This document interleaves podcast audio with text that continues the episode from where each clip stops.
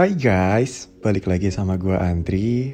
Selamat datang di Lowbat Podcast. Seperti biasa, gimana hari ini? Capek ya? Sini, duduk dulu. Ambil posisi ternyaman kalian. Yang ngerokok, dinyalain rokoknya. Yang ngopi, dinikmati kopinya. Hari ini kita libur dulu ya guys, sedih-sedihnya. Karena hari ini kita kedatangan tamu spesial dari Jabodetabek. Beliau adalah seorang penulis dan podcaster juga. Yang hari ini bakal ngebajak Lobet Podcast dengan semua keluh kesah dan keseruannya. So guys, please welcome Kare from Waktu Terlalu Berharga. Hai teman-teman, apa kabar? Hai Mas Andri, apa kabar? BTW gue ditanya nih kalau kesah gue sebagai penulis. Tapi sebelumnya gue mau bilang dulu Gue gak bisa ngomong yang so-so puitis Yang so-so adem yang kayak gitu-gitu ya. Karena gue pribadi pembawanya emang receh sebenarnya. Jadi kalau lu nontonin gue di Instagram gue nih BTW sekalian promo kali ya. Instagram gue itu at dikare d h i k a r e y. Jadi lu bisa ngelihat persona gue di sana Bisa ngeliat kepribadian gue di sana. Jadi emang gue orangnya agak-agak receh Dan kalau ngomong emang agak merepet kayak gini. Jadi kalau disuruh ngomong dengan pelan-pelan Ngomong dengan sandu Eh sandu. Eh apa sih? Sendu ya? Iya. Ngomong dengan apalah itu pokoknya yang enak dinikmatin. Mohon maaf nih lu pencinta low bad podcast bakal dengerin gua ngomongin kalau kesah sebagai penulis. Btw gua adalah penulis jadi lu bisa baca karya gua di Wattpad. Yang lagi ongoing itu judulnya World is Great. Tinggal sedikit lagi nih udah masuk ke anti klimaks jadi lu harus baca World is Grey punya di kare di Wattpad Nah ini kan tadi ditanya nih, keluh kesahnya sebagai penulis tuh apa sih sebenarnya? Kalau ngomongin keluh kesah, semua penulis tuh pasti sama keluh kesahnya, yaitu adalah struggle-nya nerbitin buku. Buat yang belum tahu, kalau misalnya kita nih sebagai penulis pengen banget bukunya ada mejeng dan bisa dibeli di Gramedia itu nggak segampang itu. Jadi emang bener-bener struggle deh. Kalau misalnya pengen karyanya atau pengen bukunya ada di Gramedia.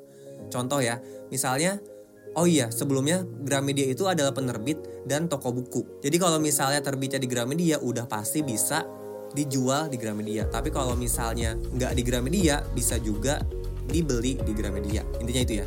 Jadi misalnya nih, kan kalau ngomongin di Indonesia itu penerbit itu mungkin ada ribuan. Anggap penerbit A itu dia MOU nih kerjasama sama Gramedia. Berarti kalau kita terbit di penerbit A, kita bisa karya kita maksudnya bisa di Gramedia belinya. Tapi kalau misalnya di B nih, penerbit B itu dia nggak MOU sama Gramedia. Jadi buku-buku terbitan penerbit B itu nggak bisa dibeli di Gramedia karena memang nggak punya MOU nggak punya kerjasama di Gramedia. Jadi sama aja kayak Indomar, Alfamart yang kayak gitu-gitu. Kalau misalnya lu punya ciki atau lu punya snack atau apa pun dah bakso aci gitu misalnya kalau lu nggak punya kerjasama sama Indomaret ya nggak bakal bisa kan barang lu atau produk lu dijual di Indomaret. Gampangnya kayak gitu. Jadi kalau ngomongin struggle-nya nerbitin buku ya berarti kan kita harus bener-bener dapetin penerbit mayor atau penerbit yang nasional supaya karya kita bisa dibeli atau bisa dijual di Gramedia. Jadi kalau ngomongin terbit, banyak penerbit yang mau nerbitin karya kita. Tapi pasti buat penulisnya tuh kayak nggak puas gitu loh. Gue nggak mau penerbit yang B karena kayak tanggung gitu. Gue pengen di penerbit A aja sekalian biar bisa dibeli di seluruh Indonesia. Bayangin ya, penerbitnya itu adanya di Jakarta anggap aja terus lu adalah orang Semarang yang pengen beli buku gua anggap nih ya ongkir dari Jakarta ke Semarang lumayan kan kalau misalnya lu di penerbit B yang nggak punya MOU sama Gramedia ya buku lu akan dikirim dari Jakarta dari lokasi penerbitnya tapi kalau misalnya lu udah MOU sama Gramedia ya tau lah ya Gramedia di seluruh Indonesia ada gitu di mall-mallnya atau punya gedung sendiri bahkan. Jadi lu mau orang Semarang, lu mau orang Samarinda, kalau di dekat rumah lu ada Gramedia, buku gua bisa dibeli di sana dengan ongkir bahkan tanpa ongkir ya kalau misalnya lu datang ke mallnya itu. BTW gue dari tadi ngomonginnya Gramedia gue nggak di endorse gue nggak gimana gimana karena kalau ngomonginnya penulis atau kepenulisan pasti banyak banget yang awam pasti banyak banget yang gak ngerti tentang kepenulisan. Bahkan gue yakin banget nih yang dengerin Lowbat Podcast pun belum tentu semuanya suka baca kan? Makanya gue nyebutnya Gramedia karena memang yang paling general karena memang yang paling terkenal. Kalau gue nyebutin toko buku lain atau misalnya penerbit lain mungkin aja yang tahu cuma sedikit. Itu juga struggle-nya. Jadi kalau misal nerbitin buku di penerbit yang tanda kutip ya kurang terkenal bakal gimana buku lu nanti struggle juga. Jadi kalau lu pikir penulis itu keren penulis itu kaya penulis itu gimana gimana susah coy jadi penulis. Nggak segampang lu nonton TV ganti channel kalau nggak suka nggak gitu. Kalau jadi penulis kalau lu nggak bisa penerbit maksudnya nggak bisa nerbitin di penerbit yang keren banget gitu ya akan sulit juga dapat pembaca. Sama kayak di TV kalau lu punya program terus program lu nggak tayang di TV nasional bakalan susah juga kok gue ngomongnya jadi melo-melo dikit ya? Tapi kalau ngomongin penerbitan emang selalu kayak gitu sih. Nggak bisa dibawa santai nggak bisa dibecandain karena emang seserius itu dan emang se menyedihkan itu sih sebenarnya.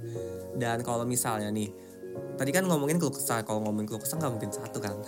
Jadi ada lagi keluh kesahnya sebenarnya kalau ngomongin sebagai penulis sama sih sebenarnya nggak cuma sebagai penulis. Pasti di semua bidang di semua pekerjaan ada yang namanya penolakan. Bener gak sih? Bener dong. Penulis juga gitu coy. Jangan salah lo anjay. Kenapa gue ngomong anjay penulis juga kayak gitu tahu penulis itu nggak bisa semuanya diterima. Anggaplah ya lu penyanyi deh. Aduh siapa yang kemarin viral tuh yang penyanyi tuh? Lu tau lah ya.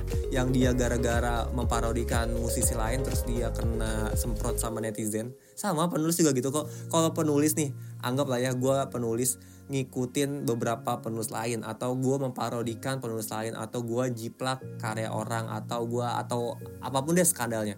Sama bakal ada penolakan dari pembaca. Bahkan nih sekalipun kita nggak jiplak sekalipun kita mikir pakai kepala sendiri nih pakai otak sendiri bener-bener imajinasi sendiri bisa dibilang kok karya lu mirip sama cerita ini sih? Kok karya lu kayak film ini ya? Lu nyontek ya? Lu terinspirasi apa plagiasi lu? Buset asli coy. Jadi penulis tuh nggak segampang itu. Sama lah kayak tukang gitar. Eh kok tukang gitar sih? Maksudnya uh, maksudnya musisi pemain gitar gitu kalau misalnya dia bikin intronya mirip sama lagu lain pasti di judge gitu kan wah lu lagu lu ngikutin lagu yang ini ya? Pasti kayak gitu sama penulis juga gitu. Jadi walaupun pakai imajinasi kita langsung bener-bener mikir dua hari dua malam gitu misalnya tetap aja ada penolakan ada ketidakterimaan atau apa pun bahasanya rejection kali ya biar keren. Tetap ada rejection dari orang-orang yang emang nggak tahu backstorynya nggak tahu latar belakang ceritanya. Ini sebenarnya pernah kejadian dan pernah ada yang curhat juga ke gue dia udah nulis capek-capek ternyata dibilang plagiat dibilang mirip sama ini kalau ngomongin gue pribadi gue nggak pernah sih dan kalau misalnya ada yang bilang karya gue mirip sama orang-orang ya udah nggak apa-apa lah ya pasrah banget karena kalau kata dosen gue, hal apa pun di bawah matahari itu nggak ada yang original. Ya gue yakin lah kalau ngomongin podcast, lowbat podcast kayak podcast apa? Sorry banget nih Mas Andri. Kalau ngomongin lowbat podcast, lowbat podcast pasti mirip sama podcast lainnya. Tapi apakah gue bilang nih, gue tanya nih ke Mas Andri. Podcast lu terinspirasi dari podcast siapa? Atau apakah ini pure imajinasi lo bikin podcast ini? Biar Mas Andri yang jawab ya pasti ya nggak jadi deh biar Mas Andri aja yang jawab jadi sama struggle-nya sama berjuangnya sama rejeksinya tuh sebenarnya sama nggak cuma penulis doang bahkan podcaster juga pasti ada rejection kan? Ngaku lu mas. Ini keluh kesah kok jadi ngotot-ngotot ya, ya udahlah ya.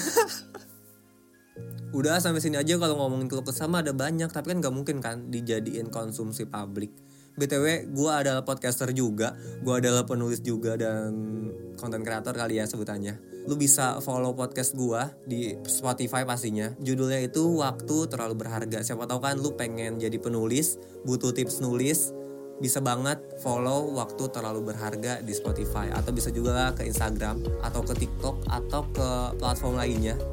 Namanya sama di Kare D H I K A R E Y cuma podcast doang yang pakai nama waktu terlalu berharga. BTW terima kasih banget Mas Andri. BTW juga nih terima kasih banget buat semua yang udah dengerin Lowbat podcast hari ini. Karena sebenarnya ini lebih kayak ngebajak sih gue.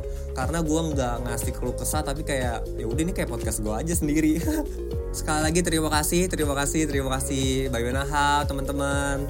Well, that's it keluh kesah dari Kare sebagai seorang penulis guys. Kita bahas dikit tadi beberapa pertanyaan dari Kare ya. First of all, kita bahas masalah kemiripan dulu kali ya. Gue setuju sama statement dari dosennya Kare yang ngomong, hal apa pun yang berada di bawah matahari itu nggak ada yang original. Maksudnya gini, kita ngomongin di dunia podcasting aja ya. Kayak Lowbat Podcast yang masuk ke kategori self-help di Spotify. Nah, ini gue otomatis kan bersanding sama beberapa podcast yang emang punya beberapa kemiripan. Kayak misal kemiripan topik yang dibahas sama-sama yang lagi happening di kalangan Gen Z. Nah, itu kan salah satu contoh kemiripan tuh. Cuma bedanya gimana kita nyiptain konsep aja kan untuk ngemas podcast kita sendiri supaya bisa jadi autentik atau beda dari yang lain. Terus kalau ngomongin gagal atau rejection, wah gila pak. Sebelum ada di titik ini atau sebelum Lobet Podcast bisa sedikenal ini sama teman-teman tuh pahit banget ceritanya.